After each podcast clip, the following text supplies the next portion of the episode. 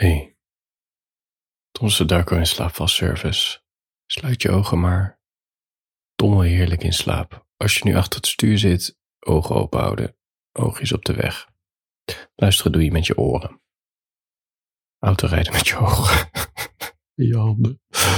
Oh. Voor je gaat slapen, wil ik het even hebben over oud en nieuw. En waarom ik het het meest sombere feestdag van het jaar vind. En over het meest aparte oud en nieuw feest dat ik ooit heb gehad. Dat is echt heel bijzonder.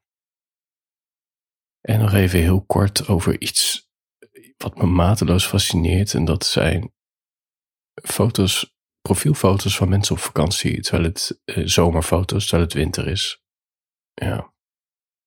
Voor je gaat slapen.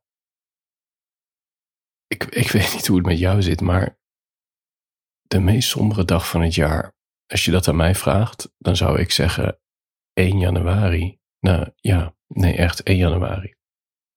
Je hebt altijd te weinig slaap als je wakker wordt op 1 januari. Je zit in een veel te koud huis. Het is veel te stil op straat. Er zit te weinig energie in je lijf om iets nuttigs te gaan doen. Het enige voordeel is als je een beetje hebt zitten zuipen op 31 december, is dat je zin hebt in seks of in masturberen. Maar voor de rest, ik zie geen pluspunten aan 1 januari. Er komt er vaak ook nog eens een kater bij kijken.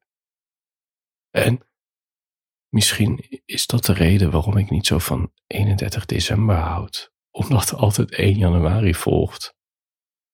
En ik weet dat dit echt iets is wat bij mij hoort, want ik heb een aantal beste vrienden. Vrienden lijken best wel veel op mij, maar die houden enorm van oud en nieuw. Die kijken er echt elk jaar weer naar uit. Die, uh, ja, maar ik zie het ook aan ze. Het, is, uh, ze hebben de tijd van hun leven.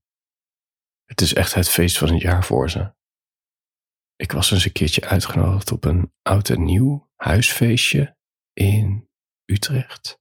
Het was die wijk in de buurt van station Zuilen. Er, zit, ja, het is een beetje een gekke, gekke plek, maar je hebt daar ook een, een uh, als je richting de Amsterdamstraat, tussen station Zuiden en Amsterdamse straatweg, er zit zo'n wijkje, een beetje oud wijkje, arbeiderswoningen, kleine, smalle straten.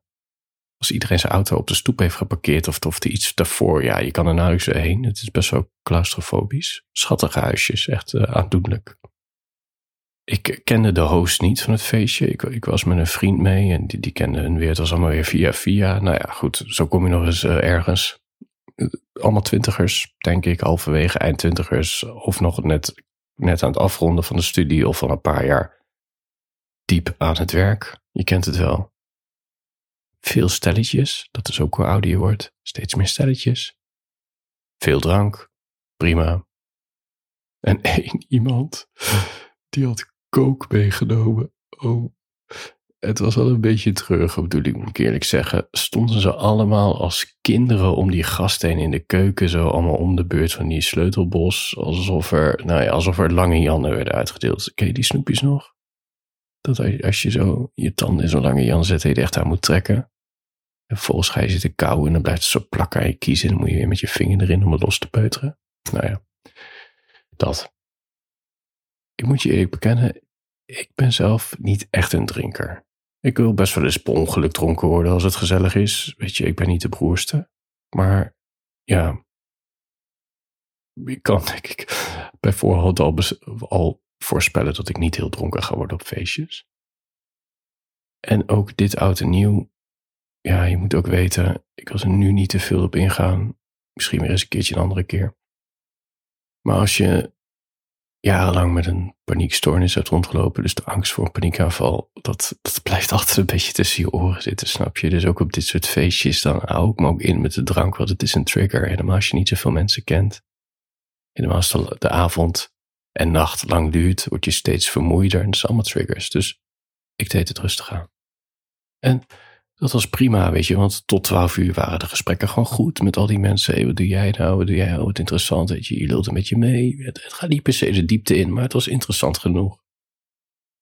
Na twaalf uur kunnen er twee dingen gebeuren. Of je krijgt hele diepe filosofische gesprekken met een klein clubje. Of één op één, waar je echt heel de diepte echt ingaat.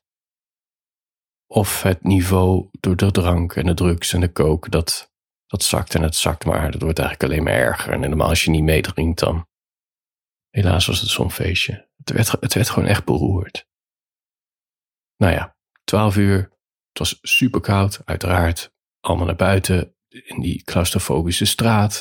Het was veel te verherrie. Het echode tussen al die gebouwtjes door. Je kon het vuurwerk nauwelijks zien, want je keek overal naar huizen. En als je het, waar je de hemel zag, was het, nou ja, het was echt binnen, ik denk na twee vuurpijlen was het al zo mistig door alle kruiddampen. Waardoor ik me ook afvraag van, is dit nou het idee van vuurwerk afsteken? Het is altijd mistig, omdat we al dat, al dat kruid de hemel in schieten. Wat de f... Nou ja, dat. Goed.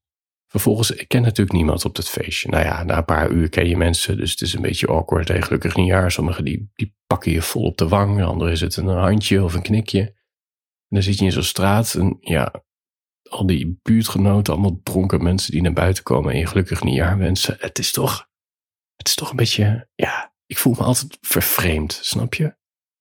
Kijk, als ik mijn beste vriend ben en die is dan oud en nieuw, dat is zijn ding.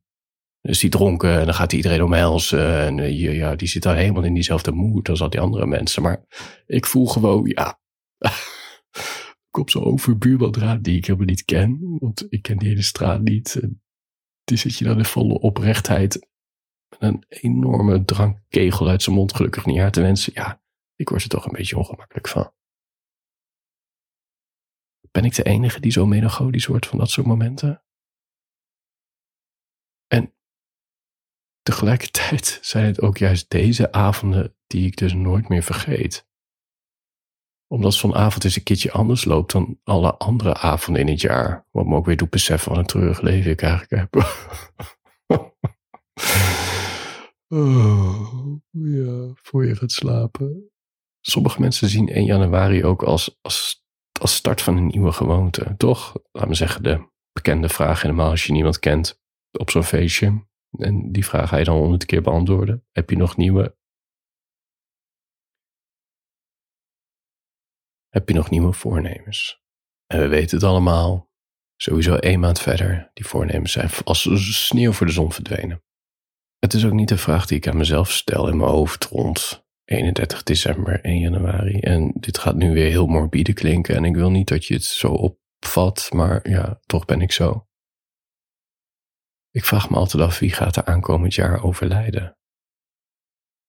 Eens zal het de laatste oud en nieuw zijn voor iemand die nu hier heel dronken met een glas champagne staat, maar ja, het volgende feestje niet meer meemaakt. Onverwacht. Hè? En ik weet dat het heel somber klinkt, maar het stomme is altijd aan een jaar die komt, tot een of andere manier, ja, het gebeurt je vaker het gebeurt best wel vaak eigenlijk. Hoe ouder je wordt, hoe vaker het gebeurt dat mensen gewoon om je heen plotseling overlijden. En daar, daar denk ik dan aan bij oud en nieuw. Ja, de dood is een uh, pijnlijke confrontatie van je eigen sterfelijkheid. Voor je gaat slapen, in mijn, in mijn tienerjaren. Ik weet niet hoe het zat waar jij bent opgegroeid. Misschien is het iets dorps, maar in mijn dorp werd er iets met oud en nieuw gevierd in een, uh, in een sportschool. Nee, niet in een sportschool, in een sporthal. Het begon om één uur s'nachts, kon je daar naar binnen. En het klinkt net zo onaantrekkelijk zoals ik het zeg. Een sporthal. Een fucking sporthal. Gewoon een gymzaal met een tribune. En daar hebben ze dan wat discolampen opgehangen. En, en ja, ze, ze hadden ook niet echt geld voor, voor ja, dat je het, laat me zeggen, met doeken wat, wat de basketbal, de basketdingen zo kan verhullen en al die andere sportdingen. Het is, ze hebben dan maar de lampen uitgedaan voor de sfeer. Maar de sporthal wordt gewoon niet echt sfeervol, snap je? Of het moet echt stampensvol zijn. Maar ja, zo, ja. De hal was te groot, het publiek was te klein, denk ik. En hebben ze dan zo'n verschrikkelijke coverband hadden ze op het podium gezet. Echt waar je niks mee kan. Die allemaal muziek spelen voor mensen van 30, 40 plus. Terwijl het feest toch echt voor tieners en twintigers was. En dan elke keer als die band eventjes een, een uh, ja, wat was het, pauze nam. Dan ging de DJ spelen en dan moest je maar hopen dat ze dit, dit keer een leuke DJ hadden die een beetje, hup, hè, een beetje die beat erin gooide. Ja, het waren echt avonden waar ik nu nog steeds, voor mijn gevoel, kwam er geen einde aan. Maar ja, je wilde ook geen, geen loser zijn die, die om drie uur s'nachts weer naar huis ging. Het was toch ook wel een beetje een spelletje van, ja, je, je blijf je tot het eind. Ik weet niet, vier, vijf uur s'nachts of zo. Ik weet niet wat het precies was. En als je tot het eind blijft, dan ga je natuurlijk ook daarvoor bij de fietsen een beetje hangen en een beetje kletsen. En nou ja, dat is toch, ja, wie als eerste naar huis gaat, is gewoon een loser. Daar komt het toch om neer. En op dat moment is dat heel belangrijk. Nu denk ik, fuck jullie allemaal, ik ga slapen, tyfus, ik ben er klaar mee. Toen was dan een zaktebod. Toen ging ik studeren en ik ging al vrij snel op kamers, weg uit het dorp, move. Ik ging in Deventer wonen, ik studeerde in Zwolle. Verhaal voor een andere keer. En dan met oud en nieuw, het was natuurlijk nog steeds een optie om terug naar mijn geboortedorp te gaan, bij mijn ouders te slapen en dan weer met wat vrienden naar dat oud en nieuw feest in die scheid gymzaal, die trouwens niet meer bestaat. Maar nee, uh, we kozen ervoor om gewoon, uh, ik nodigde gewoon wat mensen uit in uh, de plek waar ik zat. Dan gingen we daar oud en nieuw vieren. Het eerste jaar dat ik daar niet meer kwam, toen ik ging studeren, braken er rellen uit. Die fucking sporthal. Rellen. Ik snap het nog steeds niet. Het is echt te absurd voor woorden. Geen idee waarom, maar het liep zo uit de hand dat de ME opgetrommeld moest worden. En die veegde die volledige sportzaal leeg. En daarna volledig die hele parkeerplaats. En ja, hoe verzin je het? Staan daar al die pubers met min 10 buiten zonder jas. Weggeknuppeld te worden en weggeblaft te worden door die honden. De dagen daarna was natuurlijk dat hele dorp en rep en roer van wat was nou precies gebeurd. En er zaten natuurlijk ook best wel, ja, ja, het waren natuurlijk ook heel veel tieners en ook nog gewoon een soort van kinderen die ze, ja, ja, die hebben daar allemaal longontstekingen opgelopen en honden bij de honden, ja, nou ja, de, laat me zeggen, de bek van de hond die reed terwijl ze helemaal niks deden. Allemaal van die lieve gastjes. Maar goed, er zaten natuurlijk ook etterballen bij. En dit is echt het mooiste. Echt het mooiste. Dit is een soort terugkerend uh, trope. Ja, dat is een beetje een gek woord, maar uh, trope zie je heel veel in tv-series en films. Dan weet je al als de held bijvoorbeeld aan een cliff hangt. Cliffhanger, dat is een trope. Dat komt altijd terug. En zal die het redden of niet? Oh, de held redden toch. Dat is een trope. En je hebt ook tropes, heb ik opgemerkt, in, in de verhalen die wij vertellen die gebeurd zijn en, en de verklaringen die we eraan geven. Driemaal raden wie de schuld kreeg van die, van die rellen in die gymzaal. Nu niet racistisch gaan doen, dat is echt een vooroordeel, dat heb je helemaal aan jezelf te danken. Nee. Je weet het niet? Let er maar eens op. Als er, als er rellen zijn of iets van akkefietjes in dorpen, het andere dorp krijgt altijd de schuld. Het zijn altijd mensen uit andere dorpen of andere steden die er normaal nooit zijn, die nu hier wel waren om trammeland te trappen. Snap je? Dus het was nu ook. Na die rellen was de verklaring, nee, er waren ditmaal heel veel mensen uit andere, uit de dorpen, uit de omgevingen en uit de grote stad die helemaal niks te zoeken hadden en die gewoon uit waren op rellen. Ik geloof er dus helemaal niks van. Dat zijn echt van die broodje aap verhalen ook in een dorp waar je bent opgegroeid zitten er gewoon eikels tussen. En die hebben ook allemaal akkefietjes met elkaar en elkaars meisje afgepakt. En die zijn dronken en misschien hebben ze wat kook genomen. Ja, die gaan ook wel eens op de vuist en dan loopt het wel eens uit de hand. Het zijn niet die gasten uit andere dorpen. Waarom zou je als groepje naar een dorpsfeest gaan waar je niemand kent om daar trammeland te Dat klinkt gewoon niet logisch. Ik zou juist eerder bang zijn van ja, je kan beter niet op het terrein van je vijand. Snap je? Het is gewoon niet logisch. Je schopt altijd trammeland op de plekken waar je het kent. Denk ik. Maar dit is mijn theorie. Voor je gaat slapen. Ik zit trouwens te denken aan het bier in die sportzaal. Dat kan me nog steeds herinneren. Niet te zuipen. Oh, het was echt zo smerig. Oh, ik vind het eigenlijk helemaal niet zo raar dat die jongens in opstand kwamen en de ME erbij moest komen als je ook smerig bier geserveerd krijgt. Nou ja, goed. Voor je gaat slapen besef ik ook dat ik oud en nieuw misschien tekort doe.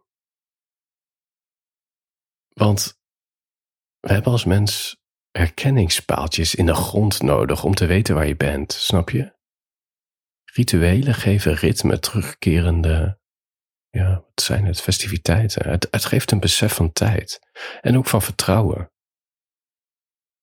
We hebben die feestdagen nodig. Dat is een van die redenen dat we zoveel feestdagen in het jaar hebben. Omdat ze aangeven in het seizoen waar we zitten, waar we naartoe gaan. Het, het, ja, anders wordt het leven ook maar één grote sleur. Je hebt die paaltjes nodig. Dus oud en nieuw is zo'n paaltje van herkenning van hé, hey, zijn er nog universum?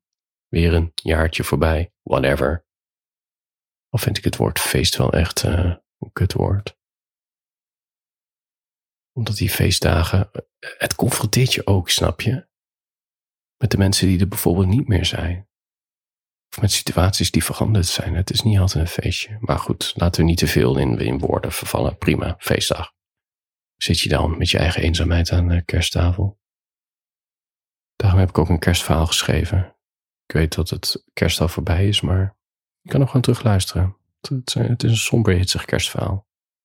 Met geen eindgoed al goed verhaal, daar hou ik niet van. Weet je wat ook, wat me mateloos interesseert? Voor je gaat slapen? Dat zijn mensen die hun leeftijd of verjaardag als biotekst hebben op Instagram. Heb je die wel eens gezien? Of, of maak jij je er schuldig aan? Ik lach je nu uit. Zouden die mensen het durven? En als jij het bent, zou jij het durven je verjaardag weg te halen? Maar, en ook te wissen uit Facebook en zo, dat mensen geen, geen herinnering meer van je krijgen. Gewoon nul aandacht geven aan dat je jaag wordt. Zou je durven? Je komt er dan achter op je verjaardag zelf wie je echte vrienden zijn. En ik weet dat het je grootste angst is dat je vergeten wordt, maar fuck it. Ik heb het, ik heb het trouwens gedaan, echt jaren geleden. ik werd zo ongemakkelijk van al die felicitaties die via Facebook en zo binnenkwamen van mensen die ik echt het hele jaar niet heb gesproken. Dat ik dacht, laat me met rust. Ik fuck jullie allemaal. Met dus als gevolg dat zelfs mijn beste vrienden, true story, ja, me ook niet meer feliciteerden op mijn verjaardag. ja, wat een grap. Nee. Ja, weet je, met je verjaardag, er zijn gewoon twee smaken en dat meen ik echt. Of je viert je verjaardag heel erg goed, gewoon echt uitbundig en je nodigt iedereen van tevoren al uit. En... Of je laat het in stilte voorbij gaan. Niet dat tussenin met dat, dat ja, met jezelf ophemelen dat je bestaat op Instagram. Fuck dat. Vier het goed, nodig iedereen uit. En vier het daar, dus niet op social media, gewoon met veel drank, met vrienden, jointjes erbij, you name it. Maak er iets legendarisch van of in stilte voorbij laten gaan. Zelfs als op vakantie gaan, zou je het zonder camera kunnen op vakantie gaan. Je moet het gewoon doen. Fuck die camera. Gewoon ga voor de ervaring en voor de herinneringen. Wat boeit die foto's nou? Echt, het boeit je minder dan je denkt. Wat me dus zo fascinerend is, is dat zoveel mensen een vakantiefoto als profielfoto hebben. Is jou wel eens opgevallen? Heb jij een foto van jezelf op vakantie? Hoe kan dat? Waarom doen we dat? Waarom? En dan ook nog vaak in, nou ja, gespierde torso of. Nou ja, laat ik, laat ik eerst mijn theorie zeggen voordat ik uh, iedereen belachelijk maak. Ik denk omdat we ons het meest onszelf voelen als we op vakantie zijn. Je hebt alle tijd, je hebt met, als het goed is met fijne mensen, de zon schijnt, andere plek, heel veel prikkels. Je bent gewoon positieve prikkels bedoel ik omdat je de plek niet kent.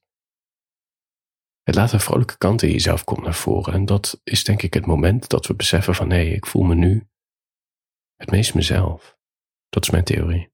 En die foto die we nemen, die laten we nog graag de rest van het jaar aan de rest van de wereld zien. Omdat we, hé, nou ja, je snapt het.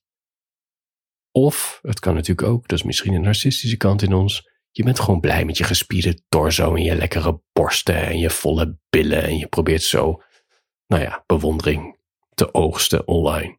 Kan natuurlijk ook. Uiteindelijk moet je ook gewoon laten zien wat je hebt, toch? Kijk, ik koketteer met mijn teksten en diepzinnigheid. Maar ja, omdat ik geen borsten heb en ook geen gespierde torso. Dus we doen het allemaal op onze eigen manier. Dat is ook de banaliteit van het leven. We verzinnen allemaal een verhaal over onszelf en laten dat zien. Zo is het ook. Want uiteindelijk zijn we ook een vreemde voor onszelf. Geen idee wie we zijn, maar geen idee hoe een ander ons ziet. Het zijn allemaal verhalen, ze zijn allemaal niet waar. Maar ja, dat is ook denk ik mede waarom als je in een depressie zit, dat je erachter komt dat het allemaal echt niet waar is. En dat is, uh, dat is geen fijne plek om te zijn, kan ik je vertellen, in depressie. Je hebt het ook minder in de hand dan je denkt, ook nog eens. Maar goed, voor je gaat slapen, nog één, even nog één dingetje. Ik ben echt, uh, volgens mij ben je al lang in dromenland. Maar goed, ik praat gewoon door. Op slechte dagen vind ik mijn teksten dus altijd kut. Maar als ik dan toch waardering van iemand krijg, van wie, die ik dan bewonder, weet je, die ik heel hoog heb zitten bijvoorbeeld, dan denk ik dan, zolang jij denkt dat deze kuttekst oké is, is er denk ik niks aan de hand. ja. Als jij me knap vindt, ook al ben ik dat niet, is er gewoon niks aan de hand. En dat, mensen, ik zeg mensen, maar ik praat tegen jou. En dat, mens, dat is een mindset. Laat dit de voornemen zijn voor jou voor 2023. Dus hoe negatief die zelfwalging praat ook is in je hoofd, en die zal altijd op de een of andere manier blijven. En het strookt niet met waar mensen jou om complimenteren. Denk in ieder geval in je hoofd, als die ander denkt dat ik wel wat kan, dan is het oké. Handjes boven de dekens. Slaap lekker. Oh ja, trouwens. Um, dit is de laatste van het jaar. Daarom is die ook zo lang. Ik uh, kom ergens in januari weer terug. Ik, knijp er even tussenuit. Ik ga gewoon lekker schrijven. Maar dan uh, ver weg van mijn scherm. En dan kom ik in januari weer terug met de inslaapvalservice. Als je me echt heel erg mist, je kan me gewoon steunen. petjeaf.com slash Dan ben ik elke werkdag in je inbox. En uh, kan je um, drie keer in de week naar me luisteren. Exclusief. Slaap lekker.